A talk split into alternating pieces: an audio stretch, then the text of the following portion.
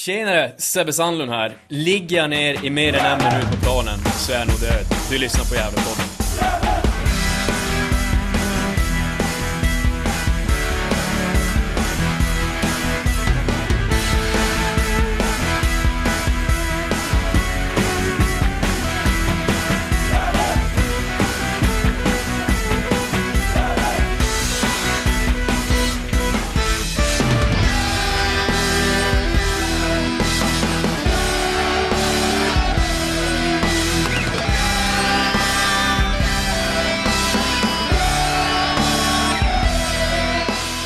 Ja, det hälsar jag alla lyssnare varmt välkommen till Gällepodden 265 i ordningen.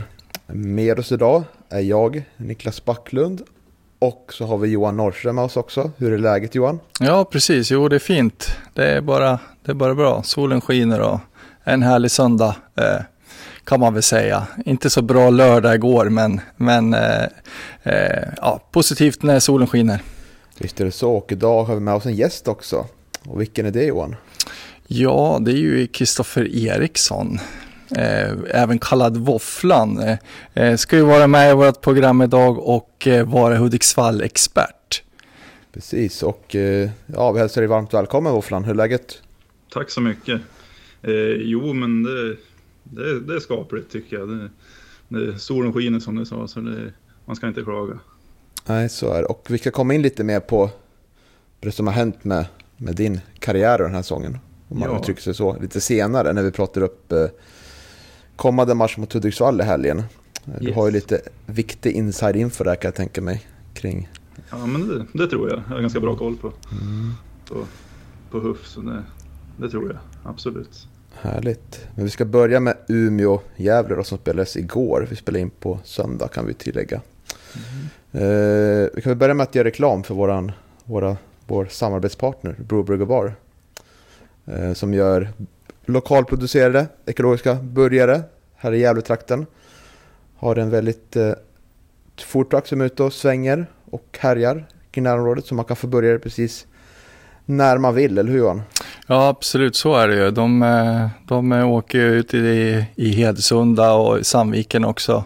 Eh, Tyvärr inte uppåt Hudiksvallstrakten då, Kristoffer, men eh, eh, nej, men de gör väldigt eh, goda burgare och det är som jag sa i förra programmet också, jag tycker att de gör de bästa i stan helt enkelt. Ja, hur är dina matlagningskunskaper Våfflan? Ehm, ja, det är väl inget jag skryter om kanske när jag, när jag pratar med folk, men jag kan, jag kan basic, basic grejerna i alla fall hemma i köket kan jag väl säga. Så inte, inte jättedålig i alla fall. Nej, det låter lovande. Hur ser, en, eh, hur ser din liksom, idealhamburgare ut då? Och idealhamburgaren, det är ju... Jag tycker faktiskt om att ha majonnäs på hamburgaren. Eh, ost, röd lök, tomat, sallad, bacon. Och ska jag lyxa till det riktigt så slänger jag på lite halloumi också, det tycker jag är gott. Oj, Så det är nog idealburgaren det. Ja, det låter inte dumt alls det. Nej, nej precis. Men eh, ska vi gå över till Umeå och Gävle då? Och jag gjorde en intervju med Mikael Bengtsson där. Eh, som jag tänker att vi klipper in här. Tja! Ja, står med Micke Bengtsson här i ett svinkallt Umeå får man säga. Efter en snöplig 2-1 förlust mot Umeå. Eh, ska vi ta det från början? Eh, 1-0. Ganska tidigt. Gustav Nord. Otroligt fint anfall. Eh, vad går in i dina tankar då? Blir det några speciella ändringar i plan- matchplanen eller så?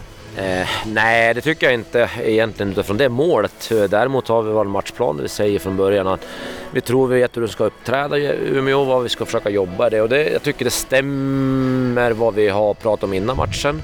Eh, så det är inga överraskningar för oss på något sätt. Sen eh, tycker jag var det jobbigt i hela första halvlek. Vi har några bra genomspel, vi har några bra kontringar som är på väg och bli någonting som, som vi känner att ja men det är synd att vi inte kunde utnyttja det kanske lite bättre men lite, lite bättre kvalitet sista momenten. Sen tycker jag vi eh, däremot i första så tycker jag vi, vi, vi tappar kontrollen alldeles för lätt och vi spelar fast oss i samma korridorer vilket vi sa var jätteviktigt att byta korridor för de kommer gå bort så mycket spelare. Vi lyckas ju någon gång men vi skulle gjort det mycket, mycket oftare. Så att eh, egentligen så vi, vi gör en ändring efter 25 minuter tror jag det blir. Där vi känner att de attackerar på våran högersida ganska mycket. De överbelastar vänster där vi byter Samuel mot, mot Hjälte och försöker stoppa defensiven. Då tycker jag det känns lite bättre. Eh, vi pratar halvtid om plan B, att vi kanske byter organisation om vi tycker att vi behöver.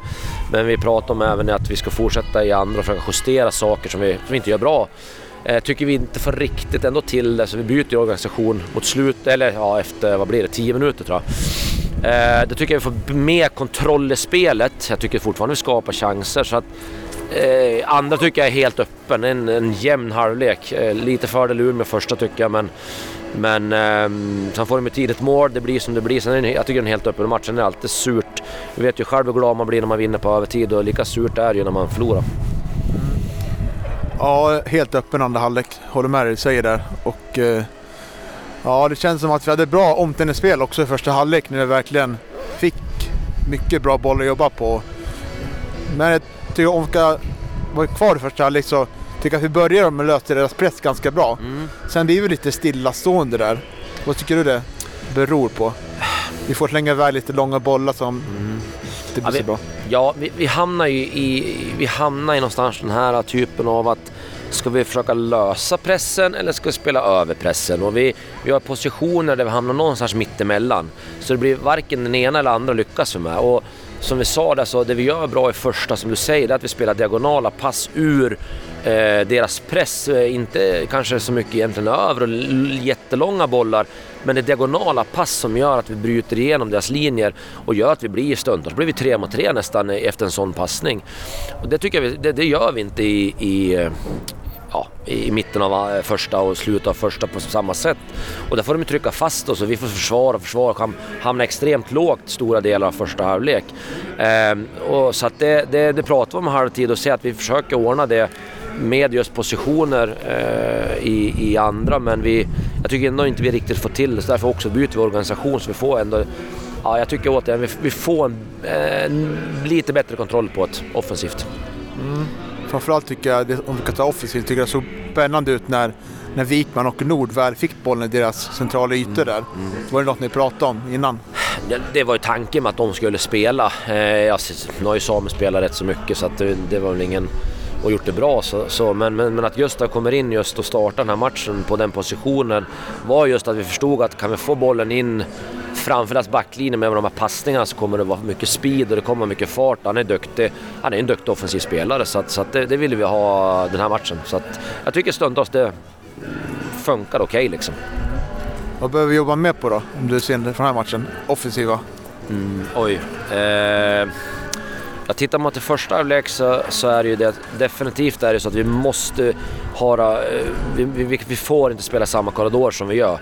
Eh, det har vi aldrig liksom haft som målsättning någon gång tänkte jag säga. Vi, vi, vi ska byta korridorer och framförallt spela över hela, över hela banan. Annars är det ingen mening att kunna passa boll för det ska vara fem passningar på exakt samma yta. Det, det är inte det vi är ute efter. Däremot kan man ha mycket passningar med kontroll för det är lättare att ha kortare passningar och ta emot kortare passningar. Men det måste, du måste flytta bollen över hela banan liksom, med, med hastighet. Så det, det måste vi ju ta till oss. Jag, återigen, jag tycker det blir, det blir något bättre i andra liksom. Eh, men sen är det det tycker jag att vi, som vi egentligen, jag ska säga, brottas lite med hela säsongen. Men jag tycker ändå, ja åt den hösten har vi ändå fått till det lite. Det är, det är antal spelare med i anfallerna, eh, sista passningarna med kvaliteten och så vidare. Det måste sätta det, det måste vara hög kvalitet på det. Ja, eh, jag tror vi nöjer oss där för det är så kallt. eh, ja. ja, men eh, tack för idag. Ser vi fram emot kommande Ja, helg. jajamensan. Yes, Det är bra. tack. Bra, tack. Och den har inte ni två hört då. Men eh, jag kan väl nämna lite om vad han sa. Eh, eh, han pratade lite om att eh, man sig fast i samma korridorer. Eh, eh, efter ett tag i första halvlek att man får, får slå iväg bollen alldeles för lätt när man hamnar under press. Eh, försöker spela mer diagonala eh, passar ur pressen i början. Men sen tappar man lite det spelet, försöker komma tillbaka till det. Eh, det går väl lite sådär. Eh, och jag frågar då hur man ska utvecklas i sitt spel. Eh, och det är genom att försöka byta korridorer och flytta bollen snabbare över hela banan med lite mer hastighet. Så det var väl intervju med Bengtsson i korthet. Mm. Men eh, om vi börjar med dig Våfflan, vad, vad är dina intryck dagen efter matchen? Slutade med 2-1 förlust kan man säga för de som inte vet det. ja, precis. Ja, men väldigt, väldigt, eh, vad ska man säga, frustrerande. Eh, när det känns som en, det känns ju som en kryssmatch.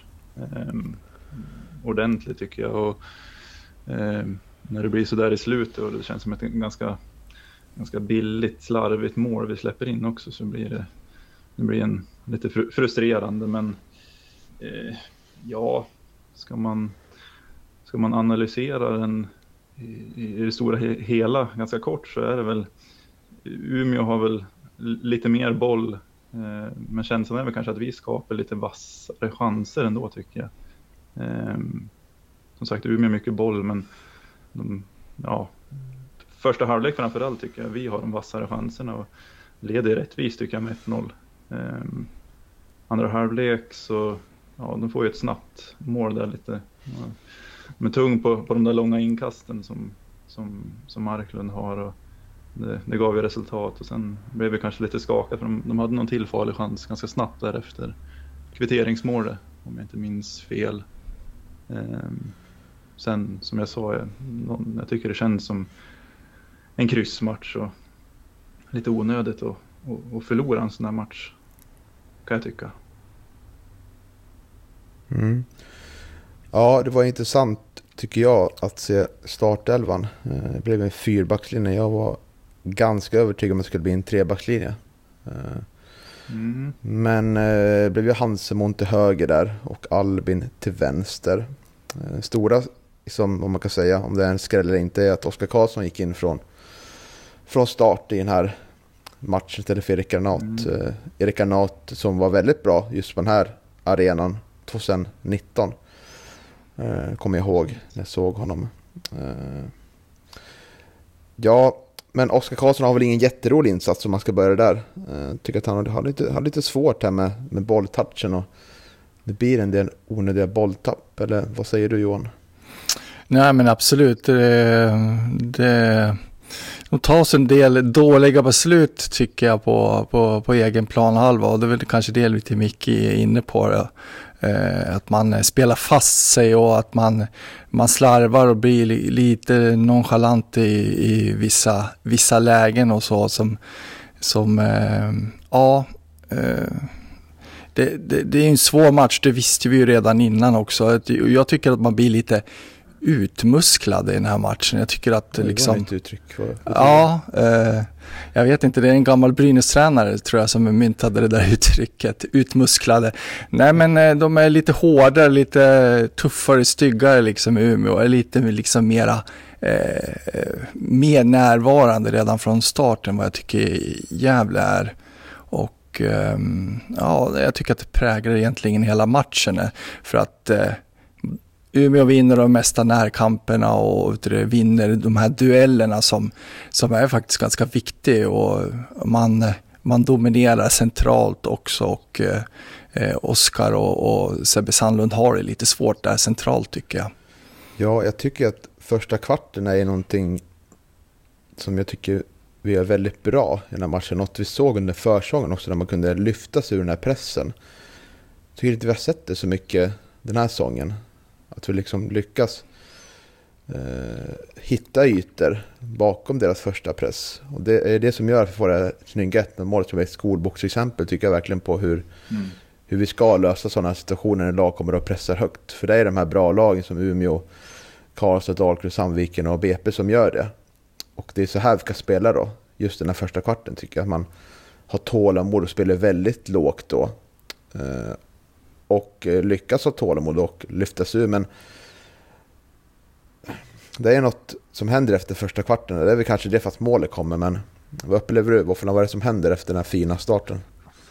Ja men precis, jag håller med allt, allt ni, ni, ni säger innan. Och, ja, om jag, om jag bara visste vad som, vad som händer efter den där kvarten. Men det, det, du är inne på det lite grann där att vi, vi gör, vi gör 1-0, snyggt, jättesnyggt mål. Um, och ja, fotbollens psykologi eller vad man ska säga. Det, det, det, är lätt att bli lite, lite passivare och efter ett ledningsmål, framförallt på bortaplan mot ett, mot ett bra Umeå så där så tror jag det blir lätt att man, till och med att det är undermedvetet att man, att man faller tillbaks lite och blir lite rädd om, om ledningen. Det, det behövs inte speciellt mycket, mycket för att det ska bli så, utan det, jag, jag, tror, jag tror mycket ligger i det och det, det, krävs, det krävs väldigt mycket av, av spelarna för att, för att hålla uppe. Um, för att hålla uppe där man, ja, där man presterade första kvarten och efter ett, efter ett ledningsmål och, och fortsätta köra på det. Så jag tror det, väl det, är väl, det är väl det som händer lite där efter, efter kvarten och man blir lite, man kanske blir lite baktunga. Um, och, men ja, jag, jag tycker fortfarande någonstans ändå om man ska se någonting någon ljusglimt från den där, eller någon ljusglimt, det lät som att det var väldigt dåligt, det var det absolut inte, men det känns, vi känns farliga tycker jag. Ehm, på väg, och jag tror Hjälte har, jag tror det är Hjälte som har ett offside-mål va? Som är mm. på gränsen och, och Samuel Wickman har också en, en farlig chans. Och Nord har ju faktiskt ett, ett, ett jättebra läge före. Han gör 1-0 också på när Leo Englund spelar snett inåt bakåt. Här. Så det kändes någonstans, vi, vi, vi skapade, vi skapade ganska mycket och vi hade kunnat gjort några mål, eh, tycker jag, i första halvlek. Eh. Vad känner du som spelare? Som, eh, vad kan man göra i en situation när man får 1-0 och sen, sen märker man liksom på plan att det, att det går det går åt fel håll. Man får stor press mot sig och man liksom vinner inte andra bollarna. Man får inget riktigt eh, anfallsspel. Vad, Finns det något man kan göra ute på planen då liksom, för att bryta mönstret eller är det bara att hålla ut till, till halvtidsryssland? Ja, det är, ju, det är ju väldigt svårt liksom och, och som, jag, som jag var inne på lite redan att det, det, krävs, det krävs väldigt mycket av, av allihopa nästan att man Ja, det, det, kan ju bli, det kan ju bli en liten en storm och man behöver reda ut den där liksom och försöka. Man får, ja, jag, sagt, jag, jag sitter inte på något bra svar, men det, det, liksom, det handlar ju om att försöka och, eh, ja, vad ska man säga, pressa sig lite extra efter en sån där eh, period liksom och komma in, komma in bra i press och flytta upp lag ordentligt och, och, och vara, vara noggrann. Det, det är klyschigt då, men det, det, är ett, det, det är svårt och, och, och vad ska man säga, pinna ner det till, till andra detaljer utan det, det, ja, det är svårt. Det, så, så mycket kan jag säga bara. Mm. Ja, och tyvärr så kommer ju 1-1 målet där. Eh, det är väl mm. en, en hörna som vi inte får, får bort riktigt. Utan den hamnar ju på eh, deras spelare där. Vad heter han? Rutinerade herren precis, på mitten. Ja, precis. Stefan. Ja, precis. Ja, jag kommer inte ihåg efternamnet. Ja, det är, ja, är det, en, det är ett hörna eller ett långt kast här för mig som, ja. som vi nickar bort. Och så, eh, jag vet inte, det är svårt att säga om det. Det är som jag säger med, med de där inkasten, det, blir, det uppstår ju situationer liksom. Och jag vet inte hur, hur, hur våra positioner och positioneringar är på. Man blir väldigt ren där ute i, i slottet om man ska, om man ska prata sådana termer. Och kan, sen är det ett väldigt snyggt mål. Eh, det får man ju, får man ge igen, men Mm. Ja.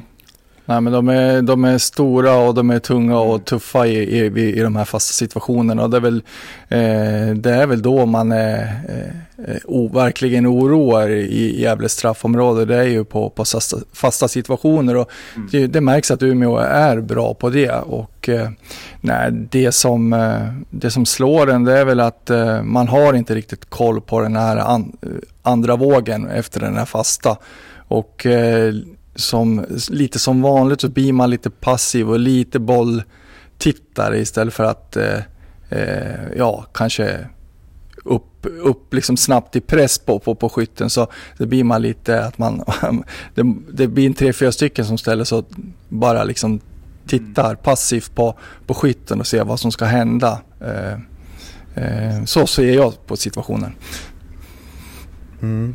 Ja, men jag tycker det är bra med andra halvlek. Det är ju en väldigt jämn halvlek men eh, jag tycker ändå Umeå är laget som förtjänar segern om man kan säga så. Eh, eh, men det som jag tycker är bra med vårt spel är att vi håller uppe spelet. Vi faller inte tillbaka liksom och, till att Umeå har jättehög press utan vi försöker framåt. Det var väl inte jättemånga solklara lägen där. Men jag tycker det är intressant med de här två herrarna som vi har med Gustav Nord och Samuel Wikman att de jag tycker de bidrar med en annan spets än de vi haft på eh, tidigare från start. Vissa matcher. Pontus eh, Jonsson och eh, Sutsu bland annat. Och Mm. eh, de kommer i spännande positioner centralt där.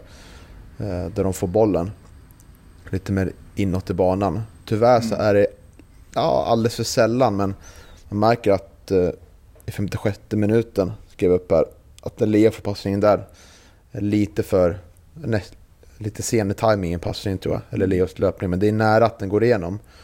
Och eh, jag skulle vilja se mer av det lite med finjustering, men det är lite som, som Micke säger i intervjun tycker jag, håller med om det, att det, eh, man hamnar lite i samma cirkel med bollen och spelar snabbt och sen blir man tvungen att eh, flytta över bollen fort liksom framåt. Och, då är det tufft för Leo och Hjälte att vinna bollen där framme. Eh, och eh, ja, man hamnar lite, lite snett och man byter inte eh, från kant till kant heller. Liksom. Det blir en liten förbättring tycker jag när Erik Granat kommer in. Eh, han sätter lite mer fart på bollen men Mm. är det, jag vet inte vad ni tycker med det här. Håller ni med analysen? Du Våfflan först kanske? Eh, ja, absolut. Eh, och jag håller verkligen med om, om, om Samuel och eh, Gustav som har, som har kommit in här under sommaren. Och framförallt Samuel tycker jag ser väldigt, väldigt intressant ut. Uh, unga killar och ser, ser lovande ut, verkligen. Uh, jag tycker också att vi, ja, Micke hade pratat lite om korridorer och jag tycker många gånger så, så vi kan spela förbi ja, flera linjer och, och få upp bollen ganska högt i plan. Eh, men istället för att bli kvar där och, och kunna etablera vårat, vårat possessionspel högt upp så väldigt ofta så kommer vi tillbaks nästan hela vägen hem till backlinjen och, och får börja om därifrån igen. Eh, jag vet inte om, om det är någonting de kanske har pratat om efter matchen men jag upplever att vi, vi kommer upp i bra positioner och sen kanske ger upp dem lite för enkelt. Eh, om, ni, om, om ni förstår vad jag menar så mm vi, vi, vi kommer gärna tillbaka igen till backlinjen och blir, bli rullandes där. Och det, det är inget fel med det i perioder men jag, jag, jag tänkte på det flera gånger under den här matchen att vi, att vi kommer förbi deras linjer på ett bra sätt och får upp bollen men vi, det slutar ändå med att vi, vi kommer hem till, till backlinjen igen. Och jag tror, jag tror sådana spelare som, som ni är inne på med Gustav och Samuel, eh, deras, deras offensiva spets och kunna få, kan vi få mer bollar, alltså vad ska jag säga, bli kvar i, i offensiva lägen och låta dem få, få operera där liksom i de där ytorna så tror jag vi skulle kunna bli ännu vassare för man ser ju verkligen att det, det händer grejer när, när, när båda får bollen. Och jag tycker Hjälte och Leo gör mycket bra löpningar också som Ja, det, det är nära vid, vid några tillfällen där. Det, liksom, det är inte mycket som krävs för att det ska bli ett friläge eller ett, eller ett mål till och med. Så lite så, lite så tänkte jag när jag, när jag kikade på matchen. Och det, jag ska väl säga, jag har inte sett jättemycket matcher. Jag har varit lite, lite svårt att titta på, på skärmar och framförallt när det är fotbollsmatcher när det, när det, när det, när det är mycket. Men jag, jag upplever lite samma sak. De matcher jag vet, jag var nere och såg derbyt på plats mot Sandviken. Och lite samma sak där. Vi, vi, vi kommer upp i bra positioner men vi, vi, vi ja, ger upp eller släpper dem ganska enkelt tycker jag och, och kommer tillbaks igen och får börja om eh, från, från backlinjen igen. Mm, det är intressant det där. Jag delar precis din analys och så där har det sett ut hela den här säsongen. Ja, Eh, och vi har tjatat om det jättemycket i podden, just att, eh, ja, just. eh, att eh, ja, det blir lite frustrerande som åskådare på sidan om man ser att, att man har lyckats spela sig fint genom linjerna och, och, och klara sig att spela sig förbi kanske både första och andra press och sen så, sen så på något vis så, så, så hamnar man eh, bollen tillbaks till backlinjen lik för, förbannat och det Eh, ja, nej men jag delar precis eh, din analys där och det, ja, det har sett ut så hela säsongen. Ja, det, ja jag, jag, jag förstår nästan det. Sagt, De matcher jag sett så har det varit så. Det, jag förstår att ibland går det inte och då är det ju såklart bättre att värdera och kanske spela om. Men jag tyckte framförallt nu, nu var det, nu var det någon match sen jag såg en, en hel match och jag, jag tänkte verkligen på det nu att vi, att just när man kände att man, nu, nu har vi fått upp bollen, kan vi etablera här uppe liksom. Och, men det, jag vet inte, det, det är mycket som ska klicka i det där också. Det, jag, jag sitter inte på någon nyckel till varför eller hur vi ska göra för att det ska bli bättre. Men... Nej, jag tänkte på det också för att vet du det, Ja, ursäkta nu avbröt jag dig. Men, ingen fara, ingen. Nej, men eh, jag tänkte på det att, vet du, jag vet inte hur man resonerar som spelare. Nu, nu spelar ju du i och för sig backlinje, men eh, kan, kan, det inte vara bättre att man faktiskt mister en boll när man faktiskt försöker utmana och ta sig in i, i liksom offensivt straffområde än att man spelar tillbaks bollen liksom till backlinjen och hamnar under press igen och så mister man bollen på, på egen planhalva. Det, det där är jag som, som åskådare lite svårt att förstå. Att, eh, att, eh, att man inte kanske ibland faktiskt försöker att eh, utmana och ja, ta sig in i, i offensivt straffområde utan att man i, i, väljer att vända om istället. Och jag tycker att det är lite konstigt. Ja, och som, jag kommer inte ihåg vem det var av er som sa det, men det är ett, ibland spelar vi förbi en första press, en andra press och spelar igenom linjerna jävligt bra liksom. Och, och ja, då, det är klart, det har man som, som mittback eller om det är ytterback eller vad det är som har ja, spelat igenom det så kommer bollen tillbaka. Liksom. Det, det, då blir också en, en, frustration. Sen, sen är det som jag sa, man kan inte gå varje gång så fort man får bollen och bara liksom, men det är ett, jag, jag tror att man som lag, om man kan flytta fram och få med sig laget i ett sånt läge, liksom att nu, är vi, nu har vi spelat förbi en lagdel, nu, nu är vi liksom uppe på offensiv plan, kan vi flytta fram då och, och etablera spelet på en högre upp så tror jag man har ganska mycket, mycket vunnet där. Och framförallt så trycker du ner motståndarna ganska bra. Och jag tycker det är det som är lite det som blir problemet i när man väljer att gå tillbaks när du har varit uppe i, i en hög position. Så då får du motståndare, då får motståndaren chansen att trycka upp och trycka upp lag och pressa och pressa och få upp oss. Och då, då, det vinner ju de på liksom. Och det känns ibland som att vi, vi, vi sårar motståndarna när vi spelar igenom dem och spelar igenom lagdelarna och sen, sen, sen är det bra där och då, då spelar vi hem och då kan de flytta fram igen. Då har de fått tillbaka lite kommando tycker jag i, med pressspelet. Så. Men ja, det, det, är, det är svårt som sagt att, att hitta nycklar till det där men jag, jag tycker att det, har, att det har sett ut så de, de senaste matcher jag kunnat se i alla fall så har, har känslan varit sådär. Mm. Ja, du sätter ju verkligen fingret på, på det problemet som har varit eh, under den här säsongen när det gäller anfallsspelet. Så mm. att, eh, ja, nej, jättebra beskrivet faktiskt. Ja, och det är intressant tycker jag att, eh, att prata om det eh, ganska ofta. För man börjar se det från ett olika perspektiv. Är det motståndarna som gör det väldigt bra, som mm. läser våra spel? Eh, är det vi som hamnar i för mycket bolltrygghet. Vi liksom inte vill åka på omställningar utan vi vill hitta de här ytorna. Vi, vi har tålamod, det kanske är för stort tålamod i vårt anfallsspel. Mm. Eh, tar vi för lite djupledslöpningar? Eh, är det för få spelare som vill ha bollen? Är vi trötta? Mm. Och, för lite eh, risker? Ja, precis. Det... det är nog kombination av mycket det där tror jag. Det, det mesta du säger det. Jag tror. Dels är man nog ganska... Vi är ju ett ja, vi är ett possession-inriktat lag och som du säger, det, man kanske inte vill ta risken utan ja, men det är bättre att vi behåller bollen inom laget och spelar hem. Men jag tror, man, jag tror man skulle, eller vi skulle få ut mycket mer av, av sådana som Hjälte och Lee om vi kunde få upp bollen i högre positioner och liksom etablera, etablera spelen därifrån. Ehm, och det tycker jag, när vi väl skapar chanser så är det ju, det är ju så vi gör då liksom. Målet är ju ett ett exempel på det. Ehm, och, ja.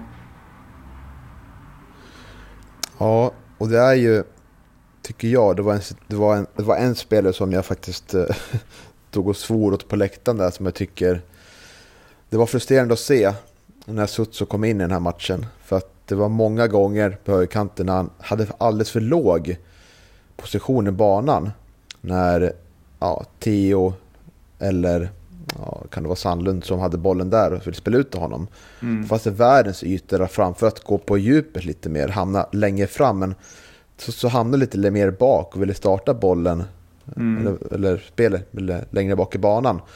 Eh, vilket gjorde att det var jättesvårt att komma förbi. Och eh, jag tycker att vi hamnar ofta där på kanten, inte bara Sutsu, men flera andra, att vi hamnar för lågt liksom, utgångspositioner på kanten. Mm. Att vi liksom, det borde vara så när att när Arne Sebbe, eller om det är han som kommer, då borde någon sticka på djupt där mm. för att utmana fart. Så vi får lite ruljans på, i detta fallet Umeås försvarsspel, att de får röra sig, ställa lite frågor till dem. Hur ska vi, hur ska vi göra här liksom? För att komma Precis. förbi.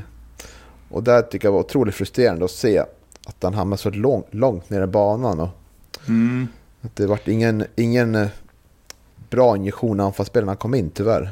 Nej, nej, jag vet inte. Man vet inte vad han har fått för, för direktiv eller vad han har fått för taktiska instruktioner när han kommer in. Och, men man, vi, jag tycker man märker ju, vänstersidan är ju Albin väldigt, väldigt frejdig och hans, hans assistskörd tar det ganska mycket om att vi gör ju mycket mål från, från hans kant och det är väl kanske det vi saknar väl egentligen en naturlig, naturlig högerback eh, av kanske samma kaliber. Eh, men ja, jag håller, jag håller lite med faktiskt, det du säger.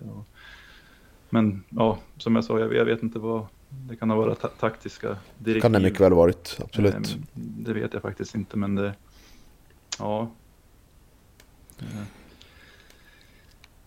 Nej, och det som man eh, också eh, har märkt nu de här sista matcherna med, med, med det Kristoffer på, vad heter det, eh, skadelistan och så Nisse och så nu Gadzo också. Så det finns, och så Salin då, avstängd till den här matchen. Det är ju att ja, det, det finns inte så många defensiva alternativ heller. Eh, och eh, ja, nu kommer vi till det längre fram här när vi ska analysera Hudiksvallsmatchen eh, mm. och prata lite om den. Men, men eh, både Calabane och eh, Louis Kangas är ju avstängda också till, till, till nästa match. Att, ja, nej, det är tunt. Tunt bakåt. Ja, eh, man får, han får stuva om lite Micke där. Och, ja, verkligen. Nu är väl, nu är väl Salin tillbaka i alla fall eh, till Huff-matchen, men som du säger nu, både, både Calabane och Louis Kangas avstängda va? Mm. Ja, precis. Så det, ja, jag vet inte hur det är med Gadzo heller. vad jag förstod så var det också hjärnskakning. Um, och jag vet inte riktigt vad statusen är. Jag har inte pratat med, med han eller med någon i klubben om det heller. Men eh, ja, ja, det ska bli spännande att se hur vi, hur vi väljer att, att ställa upp. Framförallt vänster, vänsterback, vänstervinge positionen, hur vi, hur vi gör där. Mm. Ja. Verkligen. Och sen kommer ju 2-1 då i slutet där, när vi ligger mm. på för det. Eh, det är väl Tuss som släpper till ytan där tyvärr. Så blir en lång boll där som letar fram och så, så stöter de in eh, ledningsmålet där. Mm. Och så blir Calaban utvisad. Ja, exakt. Ja, mycket, mycket, mycket elände som händer där. Ja. ja, verkligen. Mycket elände. Han fick väl sitt andra gula där va? Mm. Ja, det var ju för snack. Han sa någonting eller han verkar, han verkar oförstående själv men Ja. Fotbollsspelare brukar vara det. Jo, brukar ju vara så. Jag vet inte om man försöker hävda att det är offside. Jag vet inte, det är det, är det enda jag kan komma på. Ja, jag tyckte också det såg ut som att han gick och pratade ut mot linjeman i alla fall. Det var det enda jag kunde uppfatta. Om, om man, men det, det var inte offside på, på långa vägar som Nej. Från tv-bilden i alla fall. Nej, verkligen inte. Det blir ju blir Ciuccio som blir lite bolltittande och, och mm. på något vis glömmer ja, och, ja. och hålla markeringen eller hålla koll på, på, på Umeå-spelaren där ute på kanten. Ja, mm. det, kändes, det kändes som sagt väldigt, väldigt onödigt. Och jag, jag minns inte upprindelsen heller hur vi, om, vi, om vi tappar boll. För jag, det är ju en, det är en, alltså en crossboll från djup ner från, mm. från, från Umeå som, som rinner igenom. Så det kändes, det kändes väldigt billigt. Det, trötta huvuden och, och kroppar där i 90 som gör det, eller det vet jag inte. Men det, ja, man, man hade väl nästan skrivit ner ett kryss i, i, i kolumnen där, men det, ja, lite, lite surt. Ja, det, ja det, som, det som slår en det är väl egentligen Gävles eh, sista 15 minuter och det är väl också någonting som, ja nu ska vi analysera den här säsongen eh, lite längre fram, men eh, Gävles sista 15 överhuvudtaget känns liksom väldigt instabila eh, på något vis. Att man, att man, man går ner sig de där sista 15.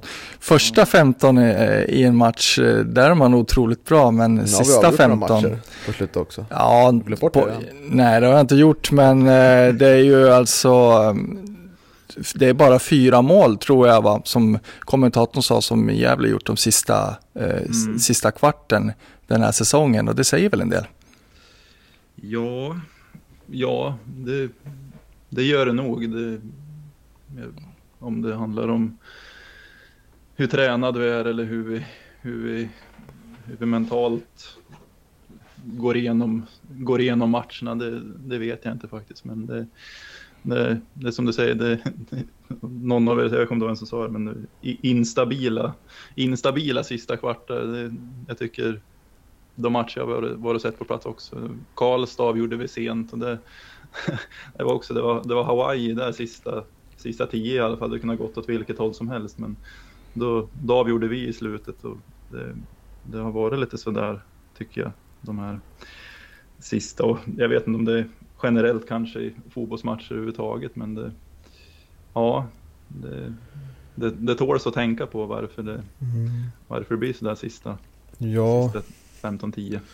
dels beror det på att många matcher stått och vägt tror jag. Och att båda lagen har verkligen gått för det eh, i matcherna.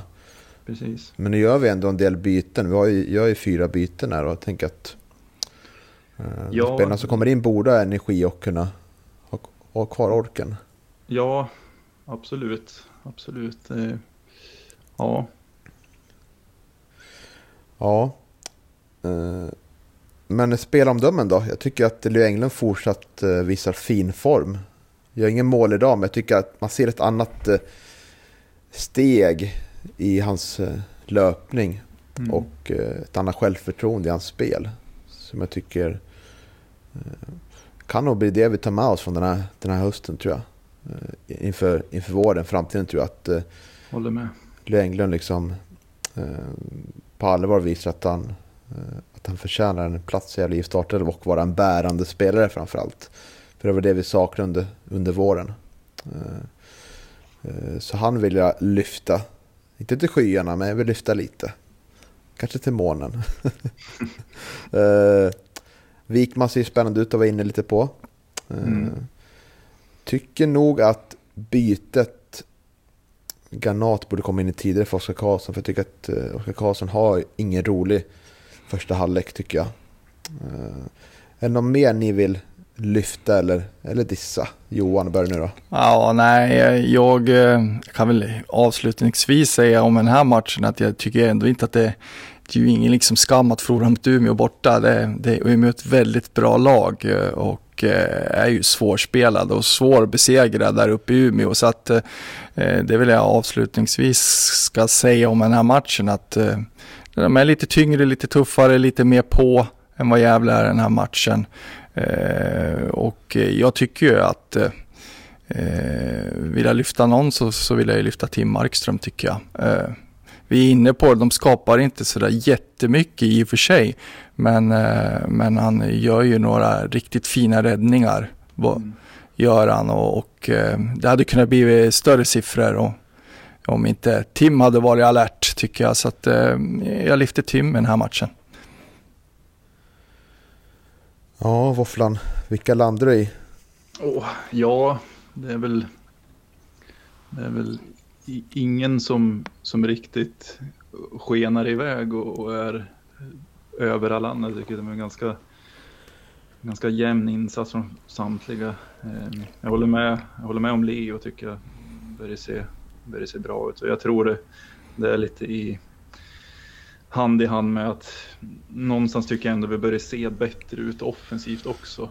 Ehm, om man jämför med tidigare i våras så det går väl lite upp och ner kan jag tycka på vår offensiv men det, jag tror att det gynnar han också att, såklart att vi, att vi börjar se, se, se bättre ut offensivt med, med lite men kanske lite vassare offensiv omgivning också för han så, så ja, men löper bra och löper mycket och jag, jag kan tänka mig att det, det, det är jobbigt som mittback att möta han där uppe med, med sin ja, men han är tuff och han löper bra liksom. Han, han är lite obekväm så. Eh, sen, ja, men jag, jag, gillar, jag gillar Samuel också. Eh, lite, inte sett han i full match än riktigt, men jag, jag tycker han har väldigt intressanta kvaliteter um, offensivt. Uh, och, ja, väldigt, väldigt spännande spelare. Så. De, två, de två lyfter jag väl lite extra kanske från den här matchen. Mm. Jag vet inte om ni la märke från tv-soffan, Umeås nya maskot. Ja, Gallo the Goat. Gallo the Goat. Fick du, fick du någon eh, bild med honom Niklas? Nej, alltså jag försökte få, få en bild på honom under matchen, men han var ju bara vid entrén där. Sa till min, vår vän Johannes för att ta bild, men han, han vågade inte riktigt lätt som. Nej, den, den missade jag faktiskt. Kanske, han kanske inte hade så mycket tv-tid heller, jag vet inte. Nej, inte det. Det var ju upp, uppkallad efter Steve Galloway då. Ja, just det. Ja, okej, okay, ja då förstår jag. Eh, vem skulle ni ha som kanske bäst eh, för dig Johan svara? Maskot i Gävle, vilken skulle du uppkalla efter? Ja, ja herrejösses alltså. Det, ja, det, det där var en svår fråga.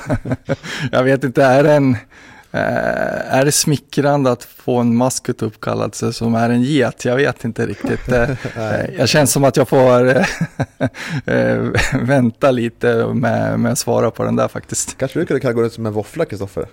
Ja, det kanske blir, kanske blir nya, nya arbetsuppgiften i IF kanske framöver. Gå och bjuda på våfflor till barnen. Ja, ja, det hade varit någonting. Ja, visst.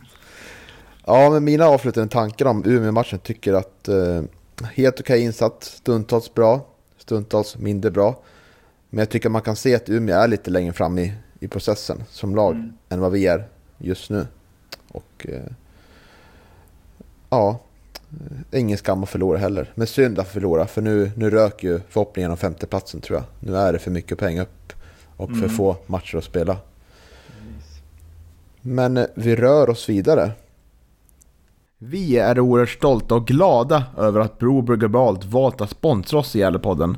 För oss i Gävlepodden hänger den lokala förankringen ihop med vårt intresse för Gävle IF. Och just därför blir vi extra glada när ett lokalt företag med alltid ekologiskt och närproducerade burgare finns i staden.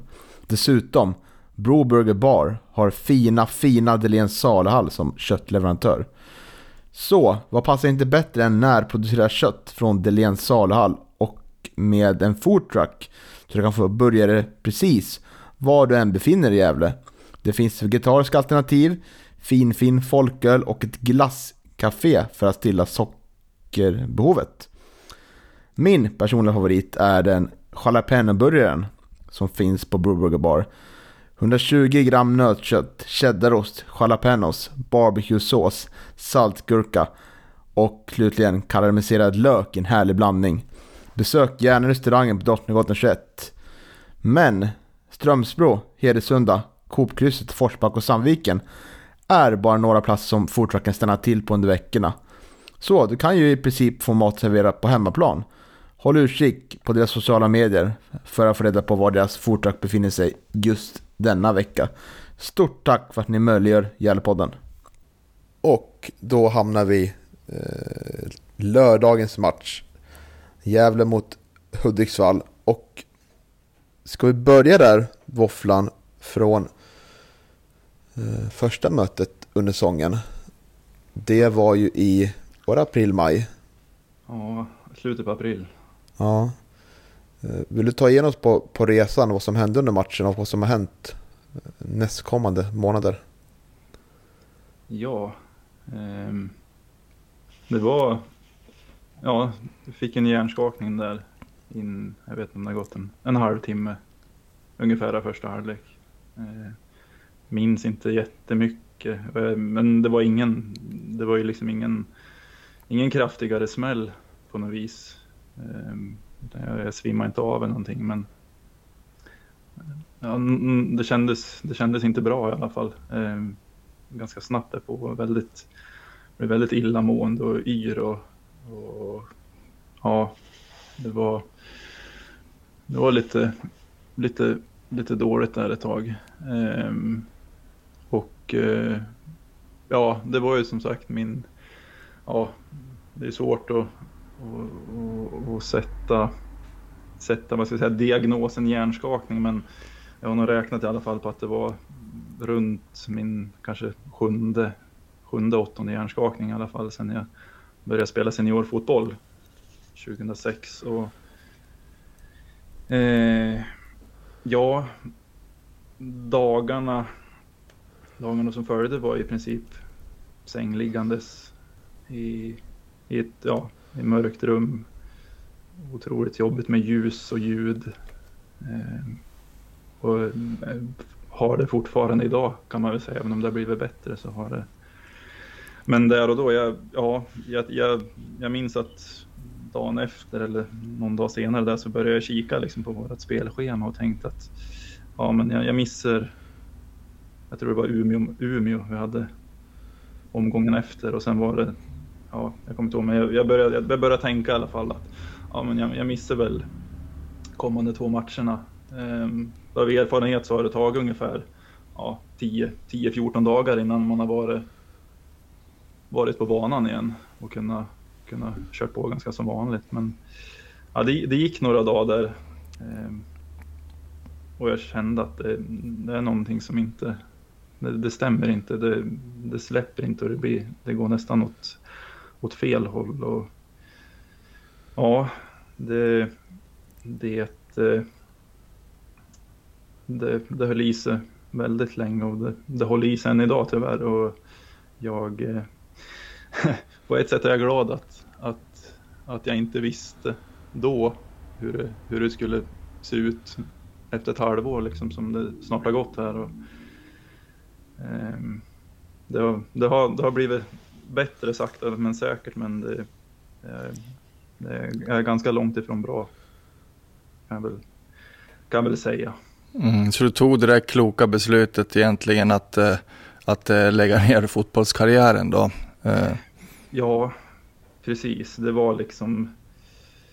Ja, det var egentligen... Ja, ja visst, jag, jag hade ett val och, och jag skulle kunna prova att spela, men jag, jag har varit i kontakt med, med läkare, specialister, naprapater. Jag pratat med, med ja, på flera olika håll och jag har väl egentligen fått samma samma dom, samma svar av samtliga att skulle du gå ut och prova spela fotboll en gång till då kan det gå då kan det gå riktigt, riktigt illa om du skulle få ytterligare en, en smäll mot huvudet och de, jag vet inte om jag blir eller ja, men helt återställd från den här än heller. Det, det kan de inte säga.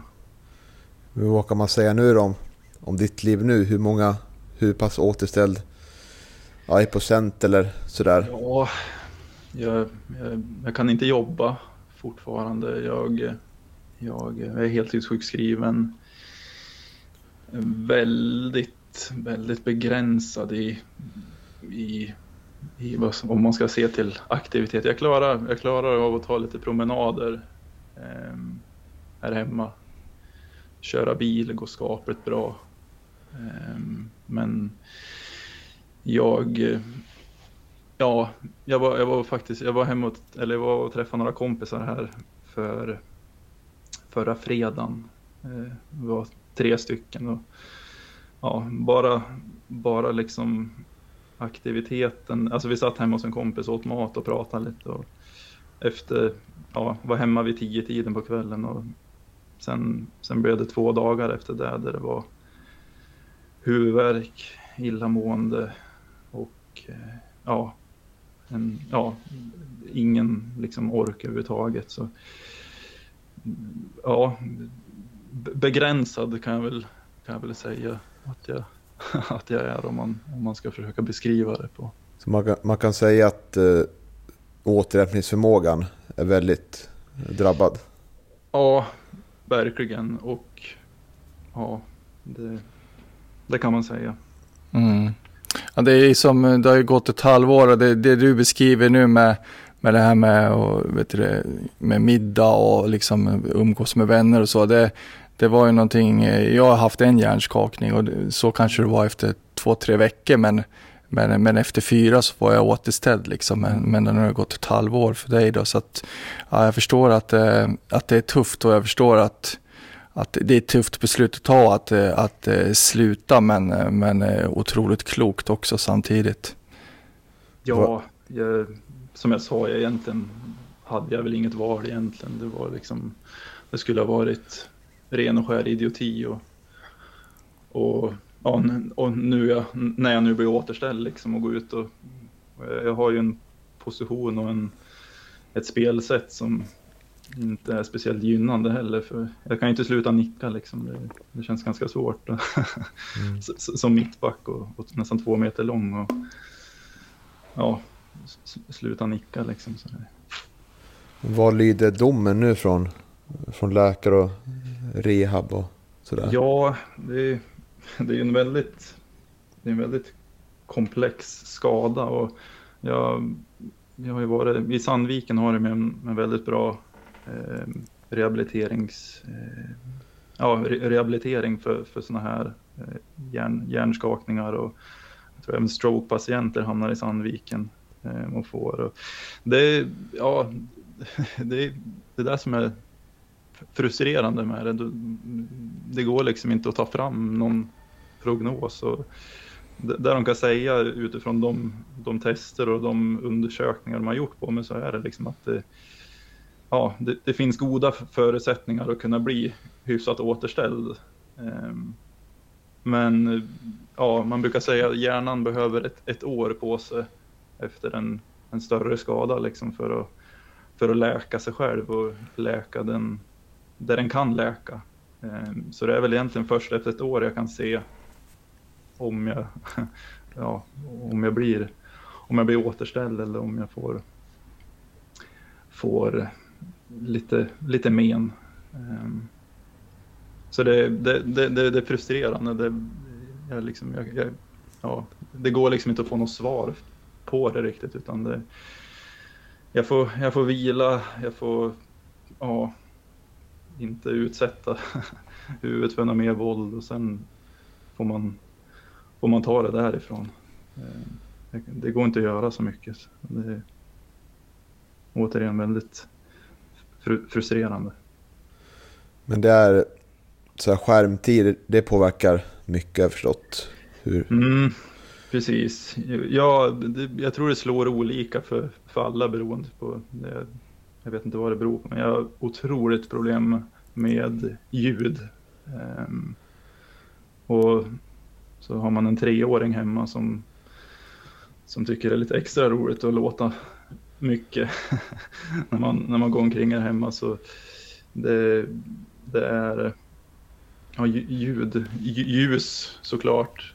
Första månaden hade jag solglasögon på mig nästan hela tiden, även när jag var inomhus. Um, och, ja, men det, det, det, det, är grejer man inte tror ska påverka en negativt som, som gör det. Um, som jag sa, bara sitta och äta mat med med två kompisar och prata några timmar en kväll gör att hjärnan liksom, ja, det blir inget bra helt enkelt. Nej, förstår. Svårt att sortera kanske också? Ja, jag tror det. Det blir nog, det blir liksom mycket, man blir, det känns nästan som en, man, man blir liksom överansträngd i, i, i skall och väldigt trött. Jag behöver ju sova mitt på dagen om jag ska, om jag ska vara liksom duglig under eftermiddagen och kvällen också så behöver jag ta en, en sovstund där efter lunch för att, för att orka, för att orka dagen. Hur är det mentalt att kolla på fotboll då? Blir det jobbigt bara det om man bortser från, från hjärnskakning men liksom ja, hur, hur liksom? Första veckorna där, det, då vill jag, eller jag klarar inte av att, att kolla. Um, av just den anledningen. Liksom, att det, det kändes skitjobbigt och det var... Jag tänkte liksom att det fan, jag, ska ju, jag skulle ju vara där ute och, och spela och Eh, jag minns jag var ner på derbyt och, och, och kollade liksom och gick ut på plan och gick mot Carrick-läktaren när vi hade vunnit där liksom. Och jag var både glad och, och tårarna rann för att det var liksom jag, samma där. Jag kände att fan, jag, jag skulle ju varit ute på plan här med, med grabbarna liksom och, och fått kämpa och slitit och fått liksom belöningen med, med tre poäng och liksom en jävla glädje liksom. Jag var glad men det var samtidigt någon sorts, ja, jag vet inte vad man ska kalla det. Det var så, så ja, svaret på frågan så ja, det, Det är, det det, det är både det är jobbigt när det blir helg. Det är matcher. Det är, jag skulle ha varit där. Mm. Det, men det är jag inte. Ja, ja tunga frågor. Eh, Men eh, man kan summera karriären då. Eh, vad ser du för, vad är höjdpunkten du kommer tänka på när du väl liksom kan... Jag vet inte om du har tänkt på det redan, om det är för tidigt men... Eh, jo, men det, det har jag ändå liksom. Och det, jag, jag ändå fyllde 31 här så det, jag har ändå hunnit med, hunnit med otroligt mycket och jag kan, jag kan ju, jag kan ju om man vänder, jag kan ju känna mer liksom för jag tänker som Nisse Eriksson till exempel som är, ja, jag vet inte, ja, han har fyllt 20 liksom och, och går med sin, sina problem med knät så ser jag honom så får jag lite perspektiv på saker och ting. Jag, han, jag vet ju inte hans status än, men det, han, han har det ju väldigt tufft med knät och tänker jag så liksom så då kan jag känna att fan, jag, jag har hunnit med otroligt mycket roligt och höjdpunkterna är väl, ja, det finns, det finns jättemycket, men åren i Frej var väldigt roliga, eh, sportsligt och det, även förra säsongen med här i Hudiksvall som när vi lyckades vinna, vinna den här division 2 till slut efter jag vet inte hur många försök och hur många, många gånger vi snubblade på, på målsnöre. Ehm, och dagen jag skrev på för, för Gävle var också otroligt stor. Det var, jag var, jag var skitstolt och det var, ja, det var, och det gör att det känns ännu tyngre idag också. Såklart att jag inte fick, eller ja, att, att det började bli sådär. Ska jag Mm. väl säga, känns otroligt tungt och hade det hänt, hade det hänt förra året så, så tror jag mer hade varit fine med det att, ja, men nu hoppar jag på det här liksom och det kändes det kändes otroligt roligt. Jag fick en liten ny tändning med fotbollen och det var, det, var, det kändes, ja, jag tror jag sa det i, i podden när jag skrev på också när jag pratade med er då att det var, ja, jag vet inte, det var, det, det var stort att skriva på för Gävle IF liksom. Det var, det var ändå det stora laget här, här uppe när man var liten och växte upp liksom och få dra på sig en Gävle-tröja var, det var stort för mig. Så det, det, det hör också till, till höjdpunkterna i, i karriären när jag, när jag skrev på för, för Gävle IF. Hur känner du att eh, Gävle varit? Vilka har varit mest... eh, Vilka har du haft mest kontakt med under den här, under den här jobbiga perioden? Med stöttning och tips och råd?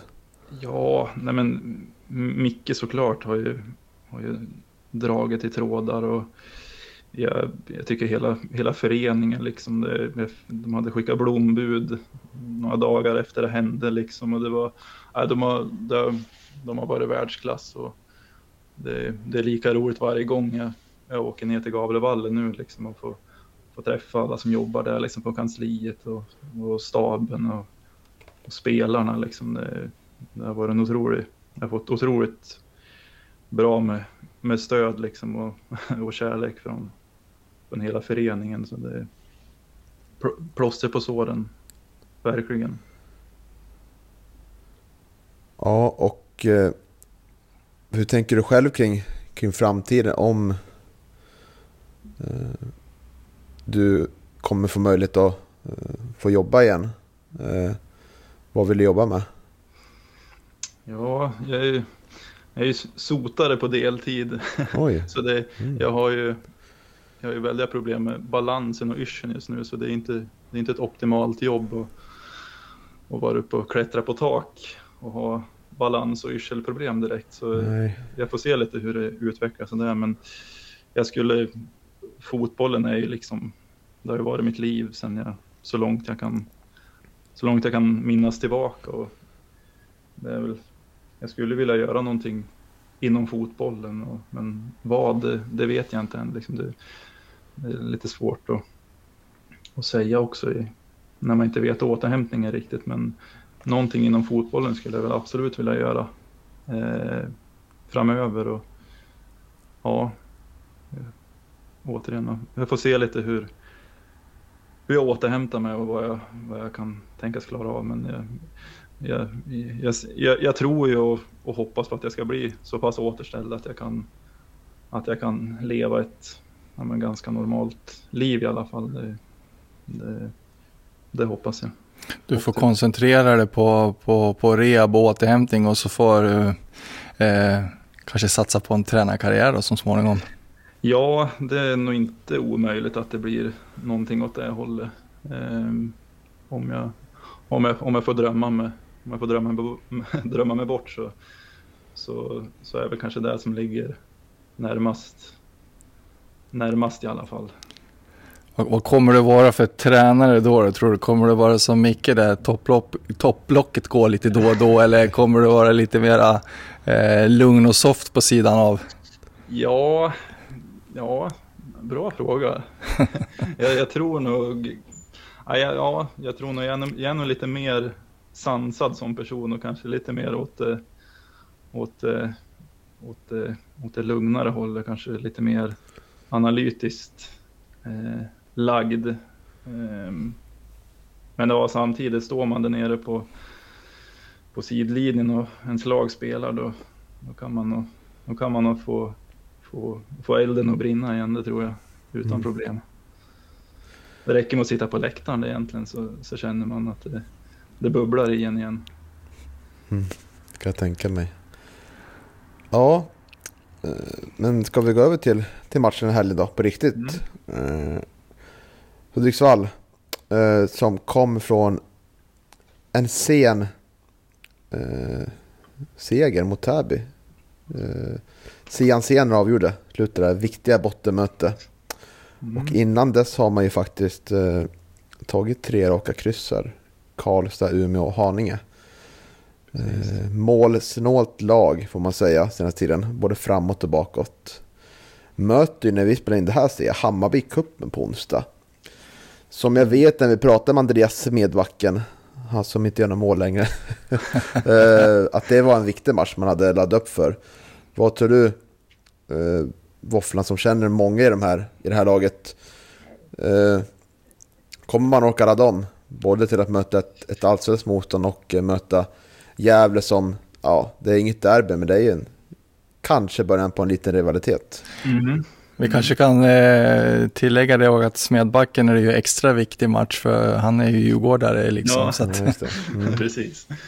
Eh, ja, men jag tror jag, jag man har pratat med lite, med lite killar i laget så, så tar de nog ganska stort på, på Hammarby-matchen. Det är ju ändå en, det är en stor match här uppe liksom och det kommer bli publikfest och, och allt vad det innebär. Så, sen frågan hur pass jag vet inte hur de väljer att göra med, med lag. De har i och för sig inte den bredaste truppen att kunna rotera, men det, de tar nog den på ganska stort. Eller det är klart de gör det. Man ställer inte ut skorna när man möter Hammarby direkt här hemma. Utan det... Sen om de orkar ladda om till Gävle, det, det tror jag. De har... Ja, ja nej, de har... De har överraskat stort på på mig Hudiksvall under året och jag är otroligt imponerad att de har att de har gått så pass bra ändå som, som de har gjort. No, jag tänkte på det, någonstans så måste de ju på något sätt faktiskt försöka ladda om och, och ta eh, matchen mot Gävle på stort allvar för att de är ju, som, fast du säger att de, eh, de har överraskat så, så är de ju inblandade i den där mm. bottenstriden så att eh, Eh, ja, och jag menar som resultaten, nu, nu vann man sist och så hade man tre kryss innan. Eh, det, det skvallrar väl en hel del om att det kommer att eh, bli en svår match för Gävle. Ja, absolut. De, eh, de kommer sälja sig dyrt Hudiksvall, det, det är jag helt övertygad om. Och det, de, är, de är som ni säger, de är väldigt, de är väldigt snål. både, både framåt och bakåt. Och de vet, de vet hur, man, hur, man, hur man stänger igen. Och det blir, det blir en stor utmaning för oss att, och, och få hål på dem och, och ja, och, och, och, slå dem framför allt. För de har visat nu sista matcherna här att de hade en liten dipp där efter, efter sommaren där det gick tungt och jag tänkte att nu, nu, kommer, det gå, nu kommer det gå dåligt. Men äh, de, har, de har rest upp och de har, de har, de har kommit tillbaka eh, från det där. Och ja, de är, de är svårslagna, det, det har de visat nu på, på slutet här. Ja, för det man ska ha med sig kring den här matchen mot Hammarby, det kommer ju vara fullsålt. Mm. Slutsålt säger man. Eh, och eh, matchen i sig kommer inbringa massa pengar till föreningen. Skulle man vinna den här matchen så väntar du ett gruppspel i vår. Mm. Med, det betyder ytterligare pengar in till, in till klubben. Så ja, det är ett svårt läge för tränare Benny Dahlin där. Han vill ställa upp laget. Verkligen. Eh, men ja, skulle det vara så att man ligger under med 2-0 eller 3-0 halvtimme kvar så kommer man säkert rotera lite så Smedbacken får spela lite också kanske. ja, det, det, det, kan väl vara ganska viktigt att han får några minuter mot Hammarby. ja, jag, jag, tror han är sugen själv. Fram. Ja, jag kan tänka det. ja, nej, men jag, jag, tror ju, jag tror ju fokuset ligger ändå på serien och det, där, det ska det ju göra också såklart. Och de, de har ju väldigt väldigt viktiga matcher här, här framöver och de, de slåss ju för sin existens och det är ju väldigt, väldigt jämnt där nere i, det är väl fem lag där som är, som är väldigt inblandade i alla fall i, mm. i, i bottenstriden. Så nej, jag, jag tror ju fokus ligger såklart på, på, på serien och, och på, på Gävle-matchen. Sen ser de, sen ser de Hammarby-matchen som en, som en bonus bara för en liten, en liten fest kan man väl säga. Precis, och när vi spelar in det här så har ju varken Luleå, Assyriska eller Hammarby Talang FF spelat eh, omgångens matcher. Eh, så de ligger ju på en tolfte plats då. Jag kan kolla här nu vilka de möter. Ja, Hammarby, TFF möter ju Piteå här hemma. Just. Och Assyriska möter Örebro Syrianska. Och Luleå möter BP. Ja, tufft läge för, för, för Luleå naturligtvis, men, men eh, som man vet i, när det gäller norrättan så kan ju bli vilket resultat som helst nästan. Mm.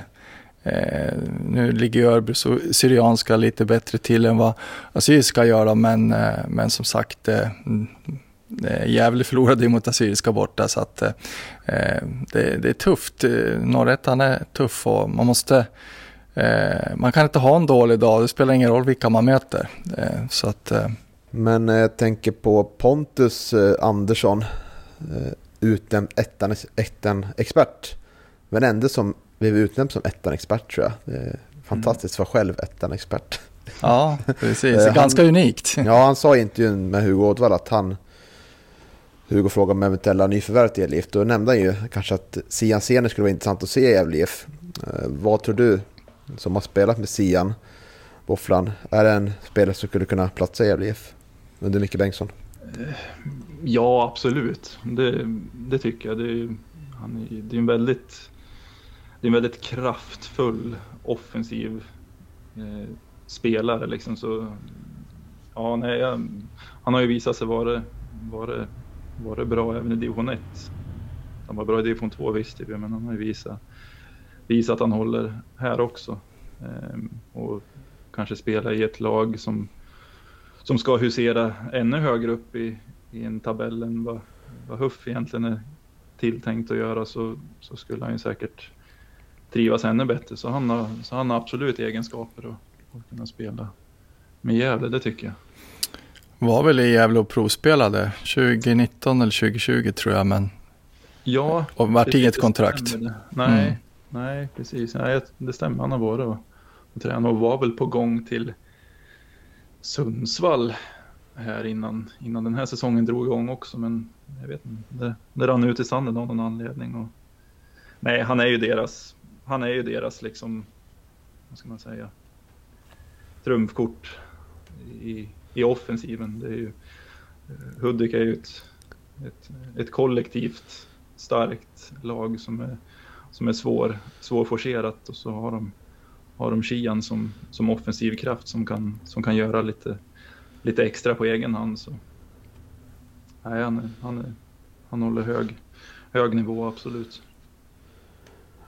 Ja, och eh, ja, man ser lite scenarier framför sig att eh, Hudiksvall tar ledningen och sen blir det, så blir det 1-0 som det var i matchen ja. i, eh, i våras där. Så Ja. man är lite rädd för, för matchen i sig. Ja, de är ju, de är ju, de är ju otroligt bra i sitt, i sitt låga försvarsspel och de, ja, det, det är klart, deras offensiv har kanske blivit lidande i och med att de, de ofta ligger lågt liksom, men de, ja, de, jag vet inte hur många matcher de har hållit nollan här på slutet och de, det har varit väldigt sällan som siffrorna har dragit iväg när de har spelat. Så bjud inte på någonting, stänger liksom otroligt bra och sen, sen kan de ställa om för de har, de har lite speed framåt i omställningar också. Det, det kan räcka med en, en fast situation eller vad som helst så får de ledningen och får, får försvara en 1-0 ledning då, då, är de, då är de bra, då är de riktigt bra. Det blir ingen vågad gissning heller att, att det är Gävle som kommer att få, få eh, vet du, diktera villkoren och ha boll, bollinnehavet och sådär. Men eh, Nej. Jag är ganska övertygad om att det, det är Gävle som, som kommer ha possession. Och det, ja, man, man ska nog inte bjuda, bjuda Hudik allt för mycket på, på lägen och, och ställa om på. För då, som sagt, de, är, de är bra i det där spelet. Och jag tycker även de har visat prov på att de kan, de kan också, också äga boll perioder i matcherna, även om inte det är deras, deras huvud, huvudmål så, så behärskar de det ändå. Eh, men som sagt, jag tror nog att vi kommer få se Gävle IF ha, ha bollen större delen till helgen i alla fall. Ja, och det är intressant eh, läge med truppen nu. Nu kommer Linus Selin tillbaka från avställning. Eh, men Kalaban är ju avstängd och Albin Luikanga. Så vi snuddar lite på vänster vänsterbacks eller vänsterwings problematiken tidigare. Eh, vad ser ni för, för alternativ där? ja, det där löser man ju med en trebackslinje i så fall. Det är nästan det enda jag eh, kan se framför mig nu. Det är att, att man spelar med en trebackslinje med, med Hansemo, Salin och eh, Kevin Persson. Ja, Mm. framförallt nu när Gadzos eh, hjärnskakning verkar vara lite osäker. Ja, verkligen. Precis, och det lär ju, det lär ju bli det. Alternativt att han spelar fyrbacks med Salle till höger då. och Theo KP centralt och kanske har Ciuciu som vänsterback. Jag vet inte, Ciuciu spelade vänsterback någon gång. Det var mot Sirius det första matchen på försäsongen. Ja, just det. Mm. Egentligen spela överallt känns det som. Ja, tyvärr. Men tyvärr skulle jag vilja säga för att jag, jag Ja. skulle ju vilja ha honom eh, så högt upp som möjligt. Eh, Precis. Ja, Men ja, nej, det, känslan är det, det är ett alternativ sagt. Men jag tror ju känslan också är att det blir Theo, Theo Salle KP där bak i en T-backs. Sen vem som tar ving, vingplatserna, det, det vet jag inte. nej, det som, som jag slagit mig det är när man har gått över till de här, ja man har ju börjat vissa matcher med fyrbackslinje men när, när man har tv, på något sätt blivit tvungen att gå ner på en trebackslinje eh, för att kanske eh, ja, trycka upp mera offensivt så tycker jag att, att Gävles spel faktiskt har blivit bättre. Eh, anfallsspelet har blivit bättre med en trebackslinje. Jag vet inte om det är någonting som ni har tänkt på också.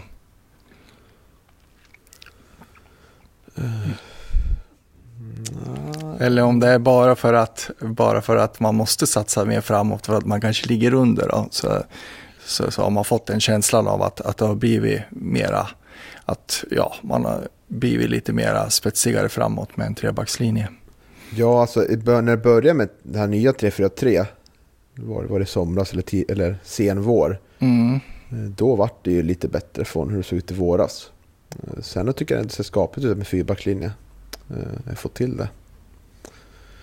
Eh, jag försöker tänka här. Ja, Ja, nej, jag, jag, jag har faktiskt inget bra svar att komma med känner jag. Men det, eh, sagt, jag, jag, har inte sett, jag har inte sett så mycket matcher. Jag har sett höjdpunkt i alla fall tidigare under sommaren här och, och hösten. Men ja, jag, jag tror att det är som du är inne på också att det, det kan ju bli att man, att man förändrar för att det kanske ser dåligt ut och man väljer att stuva om lite och att det blir en liten förbättring av det. Det, det tror jag absolut kan vara en, en anledning. om man ser till tabelläget nu då. Eh, så har vi fem matcher kvar. Vi har fyra poäng ner till elfteplatsen. Eh, det är ju åtta poäng till eh, femteplatsen, vilket känns väldigt svårt. Men fyra poäng till sjätteplatsen, till Sollentuna som går, går fint i år. Eh, eh, vad skulle du säga Våfflan? Eh, det lutar väl att det blir som bäst en sjätteplats då. Eh, vad är det för betyg om vi skulle hamna där på säsongen?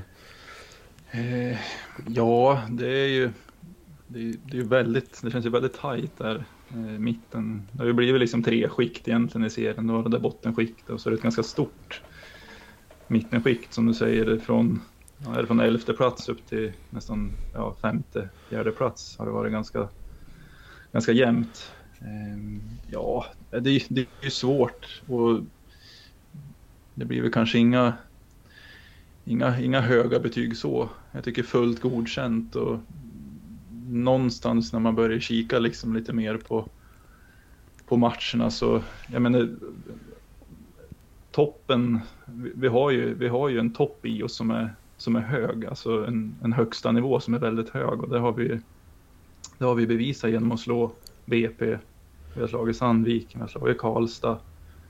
Vi, vi har en hög nivå, det, det tyckte jag känslan var på försäsongen också att vi, vi spelade bra fotboll och vi fick även med oss resultat där på, i träningsmatcherna liksom. Men det är ju, jag antar att när jag pratade om det här i podden tidigare också, liksom lägsta nivån och att vi kan gå från att slå BP på Grimsta till att förlora mot Assyriska på, på en, en veckas mellanrum. Liksom det, det är väl det som har varit lite lite frustrerande och lite ja, svårt att sätta fingret på vad det beror på. Men ja, säsongen är inte slut än heller, men det, ja, en godkänd säsong skulle jag väl absolut säga. Och, än så länge. Ehm, och det är, väl kanske, det är väl kanske där den kan sluta. Det var ju ganska stora förväntningar på oss inför, inför säsongen. Ehm, men ja, vi har väl blandat och gett för mycket kan jag tycka för att, för att det ska bli högre, högre betyg än ett, än ett godkänt. Ja, absolut. Vad kan du säga då? Den här matchen måste betyda, betyda mycket för dig. Det är två föreningar som du håller varmt om hjärtat. Och, Verkligen. och jag kan tänka mig att hade inte den här hjärnskakningen kommit i våras hade du fått höra ganska mycket om att eh, liksom att eh, varför gjorde du det här bytet då? Haha, mm. nu fick du liksom. Det slog, slog vi ditt lag som trodde du skulle vara bättre än oss och sådär. Ja. Så det var skönt att... Ja, det blir vinst nu liksom. Ja, absolut. Jag, jag, jag hoppas självklart på, på Gävle seger liksom i, till helgen. Sen, sen en överkörning till och med? Ja, ja. ja en seger tycker jag räcker gott och väl. Jag vill att vi ska, vi ska vinna liksom och, och avsluta bra här. Liksom. Sen, sen kan Hudik få vinna resterande matcher för min del. Men till helgen hoppas jag, hoppas jag på oss såklart. Och jag hoppas att vi kan, att vi kan göra en, en insats som vi, som vi är nöjda över och, och, och, och plocka tre poäng. För. Ja, det, det, det är fem matcher kvar och det är 15 poäng kvar att spela om. Så det, ja, man vill, man vill ändå avsluta bra. Man ligger lite i ett ingenmansland ändå. Liksom. Det är väl det som är lite lurigt nu, de här matcherna, när man möter lag som verkligen slåss för, för sin existens. Det vet man. Det vet man ju sedan tidigare att det, det kan vara tuffa matcher och de, de slåss för sitt liv och själv måste man liksom verkligen pusha sig själv liksom för att för att och, och gå ut liksom och, och göra, göra det man ska.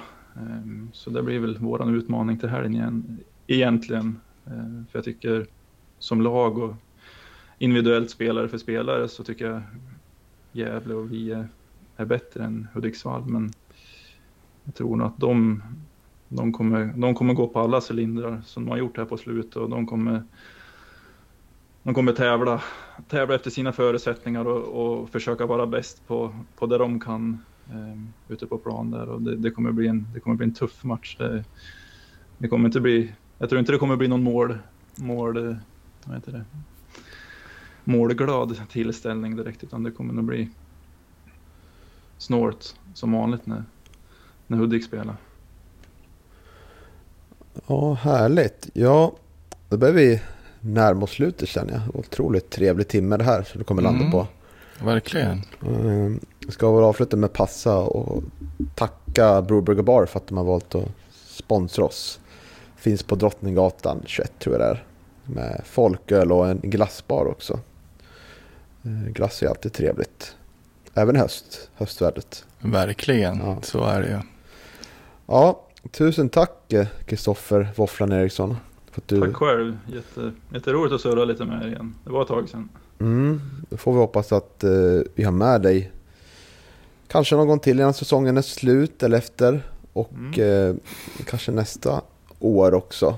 Eh, då som mer supporter kanske då. Lite Ja, utanför det- perspektiv. Det är nog inte, det är nog inte omöjligt. Det är nog inte omöjligt.